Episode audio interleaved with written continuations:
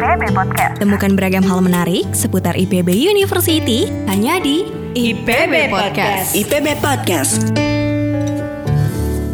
Assalamualaikum warahmatullahi wabarakatuh. Selamat datang di IPB Podcast bersama saya Almas Kamila. Nah, eh, pada kesempatan kali ini saya akan berbincang-bincang banyak bersama Bapak Dr. Khalifah Muhammad Ali, Ketua Yayasan Hutan Wakaf Bogor dan selaku dosen Departemen Ilmu Ekonomi Syariah, Fakultas Ekonomi dan Manajemen IPB University yang juga sebagai anggota MUI bagian LPH atau Lembaga Pemulihan Lingkungan Hidup. Nah, kali ini saya bersama Bapak Khalifah akan membahas beberapa hal mengenai hutan wakaf. Pasti sobat IPB semua penasaran nih, apa sih hutan wakaf dan peran seperti apa sih yang diberikan hutan wakaf itu? Nah, langsung saja kita sapa. Halo, Assalamualaikum Bapak. Waalaikumsalam warahmatullahi Mbak Almas. Sehat ya? Oke, Alhamdulillah sehat. Bapak gimana nih keadaannya? Sehat? Alhamdulillah sehat. Alhamdulillah. Nah, kira-kira Pak ada program tersendiri gak Pak dari hutan wakaf? Ada, kita punya program utama dan juga program tambahan ya. Program utama kita itu ada tiga. Kita sebutnya 3E. Tadi 3M, sekarang 3E. Ah, biar apa tuh Pak? Biar, biar gampang diingat ya, 3E. E pertama itu adalah program ekologi. Ekologi. Yang kedua program ekonomi, yang ketiga program edukasi gitu. Program ekologi itu apa? Program ekologi itu kita fundraising, mengumpulkan dana, kemudian kita kumpulkan sampai uangnya cukup untuk membeli sebidang tanah. Nah, tanah itu nanti kita akan tanami. Tanami, kita rawat sampai teduh sampai jadi hutan seperti itu. Itu program ekologi kita dan itu program yang paling utama. Nah, eh, tapi nanti juga ada urusan legalnya. Tanahnya itu kan eh, kita beli dari tanah milik pribadi ya, Iya, milik dari perorangan ya, Pak, ya? tanah milik masyarakat gitu kita beli. Nah, di situ juga kita mengurus izinnya. Jadi kita datang ke KUA. Jadi KUA kecamatan setempat. Jadi teman-teman, KUA itu bukan cuman tempat nikah ya Iya. atau tempat cerai gitu ya. Jadi eh, KUA ini juga adalah tempat mengurus legalitas wakaf gitu. Kalau kita jual beli kan biasanya urusannya di notaris ya, notaris kecamatan atau notaris eh, swasta begitu ya. Nah, kalau wakaf ini kita urusannya di KUA oleh kepala KUA langsung. Jadi kita urus legalitasnya ada nanti yang namanya dokumen akta ikrar wakaf. Kalau sudah keluar itu dokumen berarti sudah resmi tanah itu menjadi aset wakaf gitu dan tidak bisa dibatalkan, tidak bisa diwariskan, tidak bisa diperjualbelikan, tidak bisa dihibahkan. Itu kelebihannya. Nah, itu mungkin tadi ke- agak kelewat ya. Jadi kenapa sih harus hutan wakaf nih? Saya mungkin mengulang sedikit. Kenapa hutan wakaf? Karena tadi wakaf itu tidak bisa diubah peruntukannya Untuk- menjadi peruntukan lain Iya. gitu. Jadi misalkan gini, ada wakaf untuk masjid, maka selama-lamanya tanah itu harus untuk masjid gitu, sampai hari kiamat bahkan, sampai masjid. Seperti misalkan Masjidil Haram, ya kan udah ribuan tahun dari zaman Nabi Ibrahim bahkan eh, luar biasa ya, sampai sekarang masih seperti itu ya, bahkan semakin berkembang. Seperti juga wakafnya sumurnya Utsman bin Affan dari dulu sampai sekarang masih ada, masih produktif. Masya Allah. Ada dosen XR yang pernah ke sana, Dr. Irfan Syauki Bek, beliau pernah ke sumur itu, masih airnya dari ribuan tahun diambil, nggak pernah kering gitu, dialiri untuk perkebunan kurma. Luar biasa Luar biasa gitu. banget. Contoh lagi misalkan kalau dalam bidang pendidikan kampus Al Azhar di Mesir Ya. itu juga wakaf bahkan produktif ratusan orang Indonesia setiap tahun bisa kuliah di sana gratis karena dari pengembangan wakafnya. Jadi sudah terbukti wakaf ini bisa sustainable sampai ratusan bahkan ribuan tahun. Iya. Nah, sama juga ketika ada hutan didasari oleh eh, wakaf atau ber- berbasis wakaf, maka selama-lamanya juga harus dipertahankan sebagai hutan. Iya. Seperti itu. Berarti Jadi- tidak ada perpindahan lagi ya Pak ya? Mm-mm. Tadi nggak bisa diperjualbelikan, nggak bisa diwariskan dan lain sebagainya. Jadi makanya kita di Yayasan Hutan Wakaf punya tagline hutan sampai kiamat ya, Wih. hutan sampai kiamat ya, gitu. Hutan sampai kiamat. Ya, walaupun Luar kayak biasa. kedengarannya gimana gitu, tapi kita Tapi itu optimis. memang betul ya Pak ya? Insya Allah optimis gitu karena sudah banyak aset-aset wakaf yang sudah lestari eh, ribuan tahun gitu. Maka dengan model administrasi yang zaman dulu masih sederhana aja bisa. Apalagi sekarang kan sudah ada BPN ya kan yang mengurus pertanahan begitu. Ada dokumennya lengkap. Jadi lebih resmi lagi ya resmi Pak ya? dilindungi oleh undang-undang. Oh ya, jangan lupa untuk wakaf juga kita negara Indonesia ini yang tercinta ya sudah memiliki undang-undang khusus tentang wakaf yaitu Undang-Undang 41 tahun 2004 tentang wakaf. Nah, ini juga diatur. Tadi yang saya katakan tadi itu juga sudah tertulis Hmm. undang-undang bahwa ketika satu aset sudah diwakafkan, sudah keluar AIW-nya tadi Ya, tidak bisa diperjualbelikan, tidak bisa diwariskan. diserahkan lagi ke pihak mana pun ya Pak Iya, ya? jadi kalau uh, wakifnya atau atau orang yang berwakafnya itu sudah bilang ini untuk hutan ya, maka sudah sampai hari kiamat itu mestinya menjadi hutan. Hutan. Itu. Nah, Pak, ini tadi ada tiga E. Oh iya iya. Oh, E pertama tadi ya. sudah dijelaskan. E kedua apa nih, Oke. Pak? Se- Nah, itu agak panjang karena itu program inti kita gitu Iya, ya. betul. Nah, yang kedua, nah, hutan itu bukan sekedar urusan ekologi. Mm-mm. Tapi kalau kita merujuk kepada teori-teori pengolahan eh, hutan, eh, misalkan ada sustainable forest management, di situ ada tiga aspek yang harus disentuh: aspek ekologi, sosial, dan juga ekonomi gitu. Sosial. Nah, ekologi, ekonomi juga sosial. Itu itu harus disentuh. Karena kenapa? Kalau misalkan kita tidak menyentuh aspek sosial dan ekonominya, khawatirnya ya masyarakat sekitar hutan ya bisa mengganggu hutannya lagi Iya, gitu jadi- ya karena kita tidak memperhatikan mereka. Padahal kan kita juga harusnya memuliakan manusia. Seperti kata Allah Subhanahu wa taala, Allah Subhanahu wa taala memuliakan Bani Adam, manusia ini gitu. Nah, oleh sebab itu harus ada program eh, ekonomi dan sosialnya atau edukasinya. Nah, program ekonominya kita melakukan kegiatan-kegiatan pemberdayaan masyarakat. Jadi di sekitar hutan wakaf itu banyak masyarakat yang tinggal di situ. Nah, ini kita ajak untuk mengelola hutan wakaf. Jadi kalau misalkan Mbak Almas mau ke hutan wakaf, nanti yang menyambut tuh masyarakat, Bu. Bu, Oh, Kalau saya bisa, iya, saya bisa ke sana nanti ya. Kalau mau main gitu atau ada teman-teman yang mau main, silakan aja ke hutan wakaf. Kalau saya bisa nanti akan saya eh, sambut. Tapi kalau enggak, nanti eh, pasti insya Allah Dari di pihak masyarakatnya. masyarakatnya Kita udah Pak, buat ya? kelompok-kelompok, grup-grup gitu. Di situ nanti yang akan eh, mereka menyebutnya. Misalkan ada grup ekowisata gitu, ada grup domba. Eh, kita juga ternak domba, ada juga ikan dan juga ada eh, warung ya warung kopi. Jadi kalau mau ngopi-ngopi di hutan wakaf bisa ya, silakan oh, gitu iya, ya. betul-betul. Eh, eh, Nah, banyak. siapa tahu ya, Pak ya, ada yang mau main juga tuh ke hutan Mm-mm. wakaf. Iya silakan Eh, alamatnya bisa dicari di Google Maps ya hutan wakaf Bogor gitu nanti keluar dan itu bisa dikunjungi seperti itu. Berarti Hmm. dari tiga aspek itu sendiri memang berkesinambungan ya, Pak ya? Iya, jadi saling mendukung. Iya. Tapi program ekonomi yang kita lakukan juga tidak boleh atau harus selaras dengan program pelestarian hutan. Misalkan program ekowisata tadi matching kan ya. Semakin bagus hutannya, semakin nyaman nanti wisatawannya Iya. gitu. Termasuk misalkan juga program peternakan. Peternakan kan nggak mengganggu hutan kan ya. Kadang-kadang bisa dibangun di bawah tegakan pohon gitu. Jangan program ekonomi yang nggak matching. Misalnya hortikultura ya. Saya kira kurang matching. Misalnya bikin sayur gitu ya, bertanam sayur itu kan mataharinya harus penuh. Iya. Nah, kalau mataharinya penuh, ya harus ditebangin dong pohonnya, jadi nggak cocok gitu ya. Berarti tetap disesuaikan ya, Pak Iya, ya? Misal- contoh lagi misalkan lebah ya madu misalnya itu bagus kan, semakin bagus hutannya semakin bagus juga produksi madunya Iya. gitu. Jadi harus yang eh, selaras. Kemudian kalau di edukasi kita melakukan kegiatan-kegiatan pendidikan untuk masyarakat seperti pengajian-pengajian ya. Setiap pekan juga ada. Kemudian juga untuk anak-anak kita ada namanya Serincil ya sekolah rimbawan kecil dan ini bekerja sama dengan mahasiswa di Fakultas Kehutanan. Mereka datang setiap pekan sekali untuk mendidik anak-anak berkaitan dengan lingkungan supaya anak-anak ini cinta lingkungan dan mudah-mudahan ke depannya bisa menjadi kader-kader eh, pelestarian lingkungan. lingkungan itu gitu. sendiri. Mm-mm. Nah, ada pertanyaan mendasar nih, Pak. Hmm. Yaitu mau tahu juga mengenai manfaat hutan wakaf untuk bumi, Pak. Ah, manfaat hutan wakaf untuk bumi. Sebenarnya program tiga tadi itu manfaatnya sudah langsung, ya, langsung tiga itu juga tadi. Ada manfaat ekologi, ya manfaat eh, sosial dan ekonomi. Dan itu sangat berkesinambungan ya, Pak ya. manfaat so- ekologi sudah pasti kita sudah tahu semua manfaat hutan kan. Hutan itu tentang air, tentang oksigen, ya kan? Air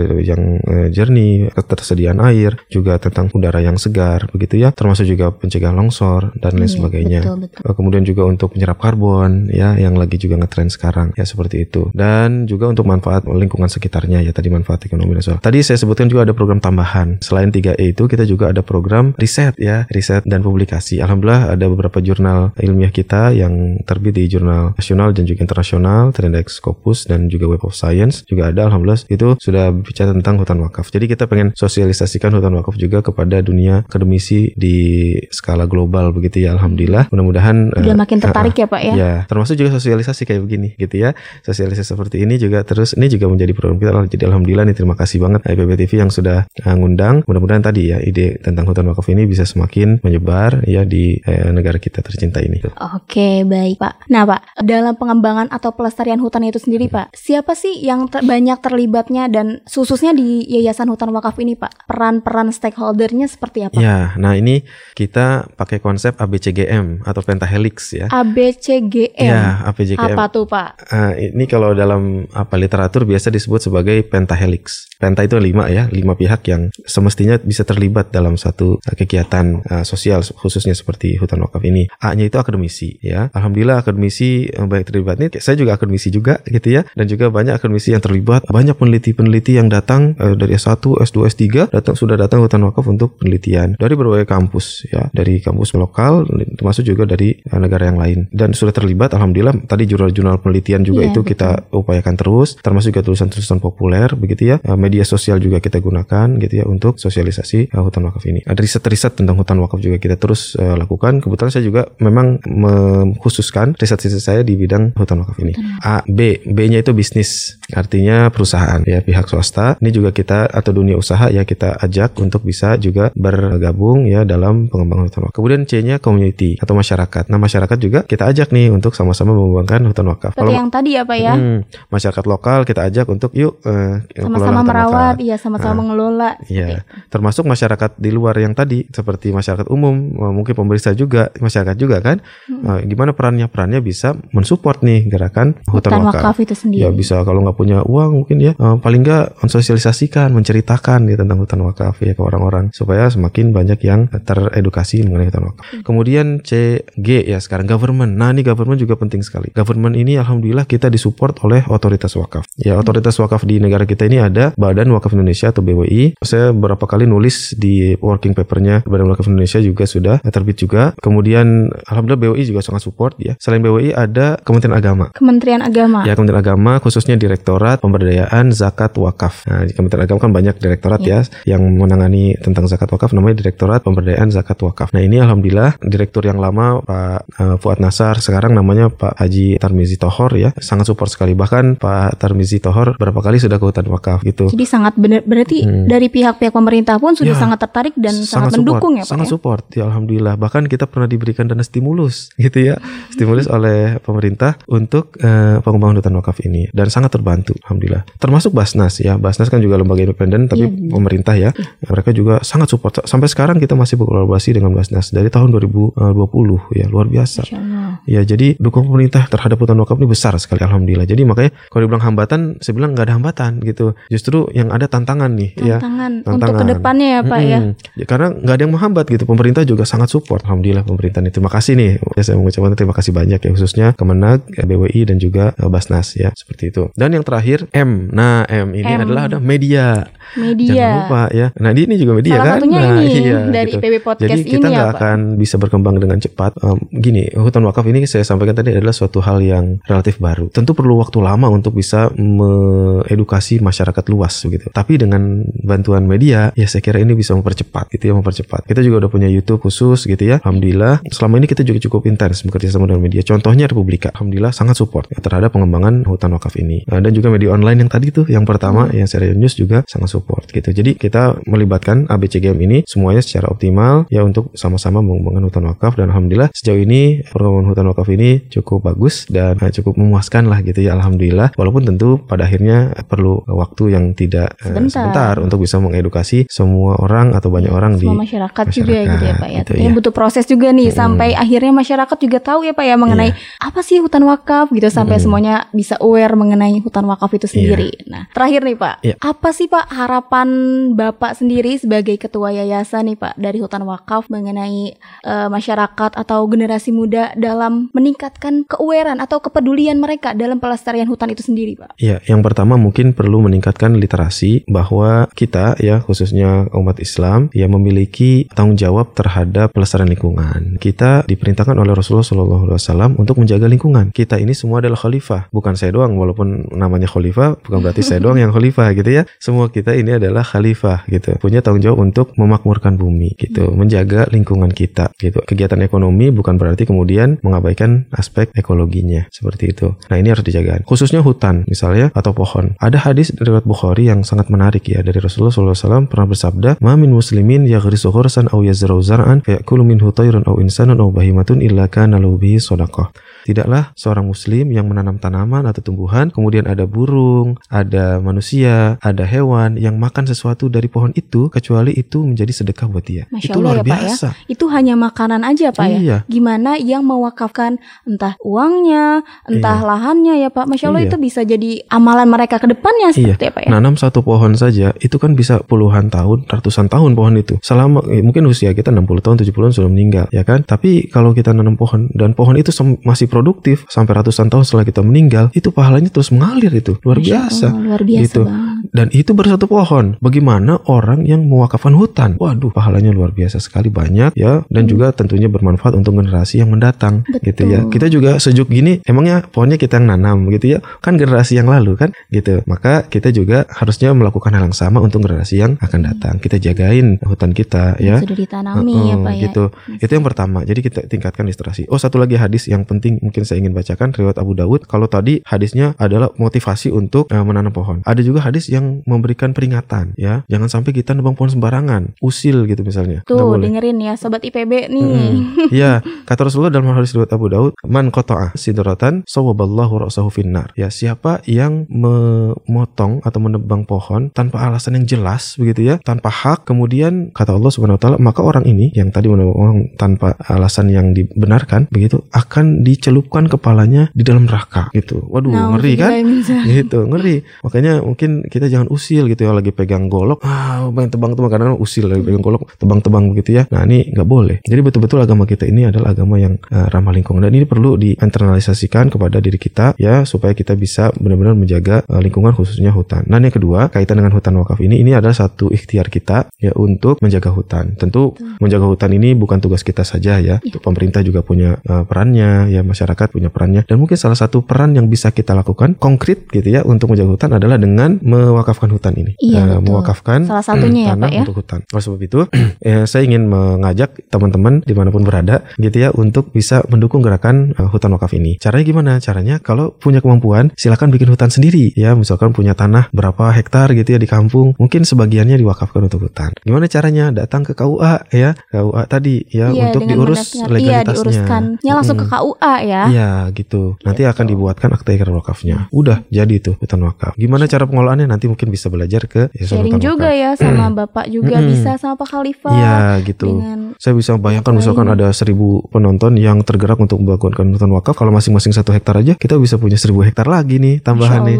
Alhamdulillah kan ya. Mm-mm. Terus kalau yang kedua, kalau misalkan teman-teman belum mampu untuk bikin sendiri kayak tadi, mungkin belum punya tanah, oh, punya uang juga mungkin gak begitu besar, belum bisa beli tanah gitu ya. Ya. Mungkin pakai uang-uang kecil bisa dengan cara mendonasikan atau mewakafkan uangnya untuk yayasan hutan wakaf ya. Iya, Bisa Jadi di yayasan- dikelola oleh Yayasan Hutan Wakaf itu sendiri Hmm, gitu yayasan, ya. Pak, ya. yayasan hutan wakaf kan banyak ya, ada yang di Aceh tadi, ada yang di Bogor, lain-lain ya itu silakan saja apa ya insya Allah tercatat sebagai wakif sebagai orang yang berwakaf untuk pengembangan hutan wakaf. Jadi wakafnya patungan gitu. Iya, wakafnya patungan Iya. bisa menjadi satu lahan gitu ya Iya. Pak nantinya. Ya, seperti misalkan juga wakaf masjid kan, kadang-kadang ada juga kita punya uang cuma seratus ribu ya udah kita cuma seratus ribu gitu, atau eh, punyanya apa, misalkan semen ya kita sumbang semen. Jadi patungan membangun Iya, masjid. iya. Kalau ini patungan bangun hutan gitu. Masya Allah. Mm-mm. Oke Pak, luar biasa banget nih Sobat IPB semua Bincang-bincang kali ini bersama Bapak Dr. Khalifah Muhammad Ali Bapak terima kasih banyak Pak atas Ya, waktunya alhamdulillah. Ya. Masya Allah teman-teman semua Hmm. Luar biasa perbincangan kita kali ini Nah semoga Sobat IPB bisa lebih aware dan lebih peduli Akan kelestarian hutan di Indonesia ini khususnya ya Pak ya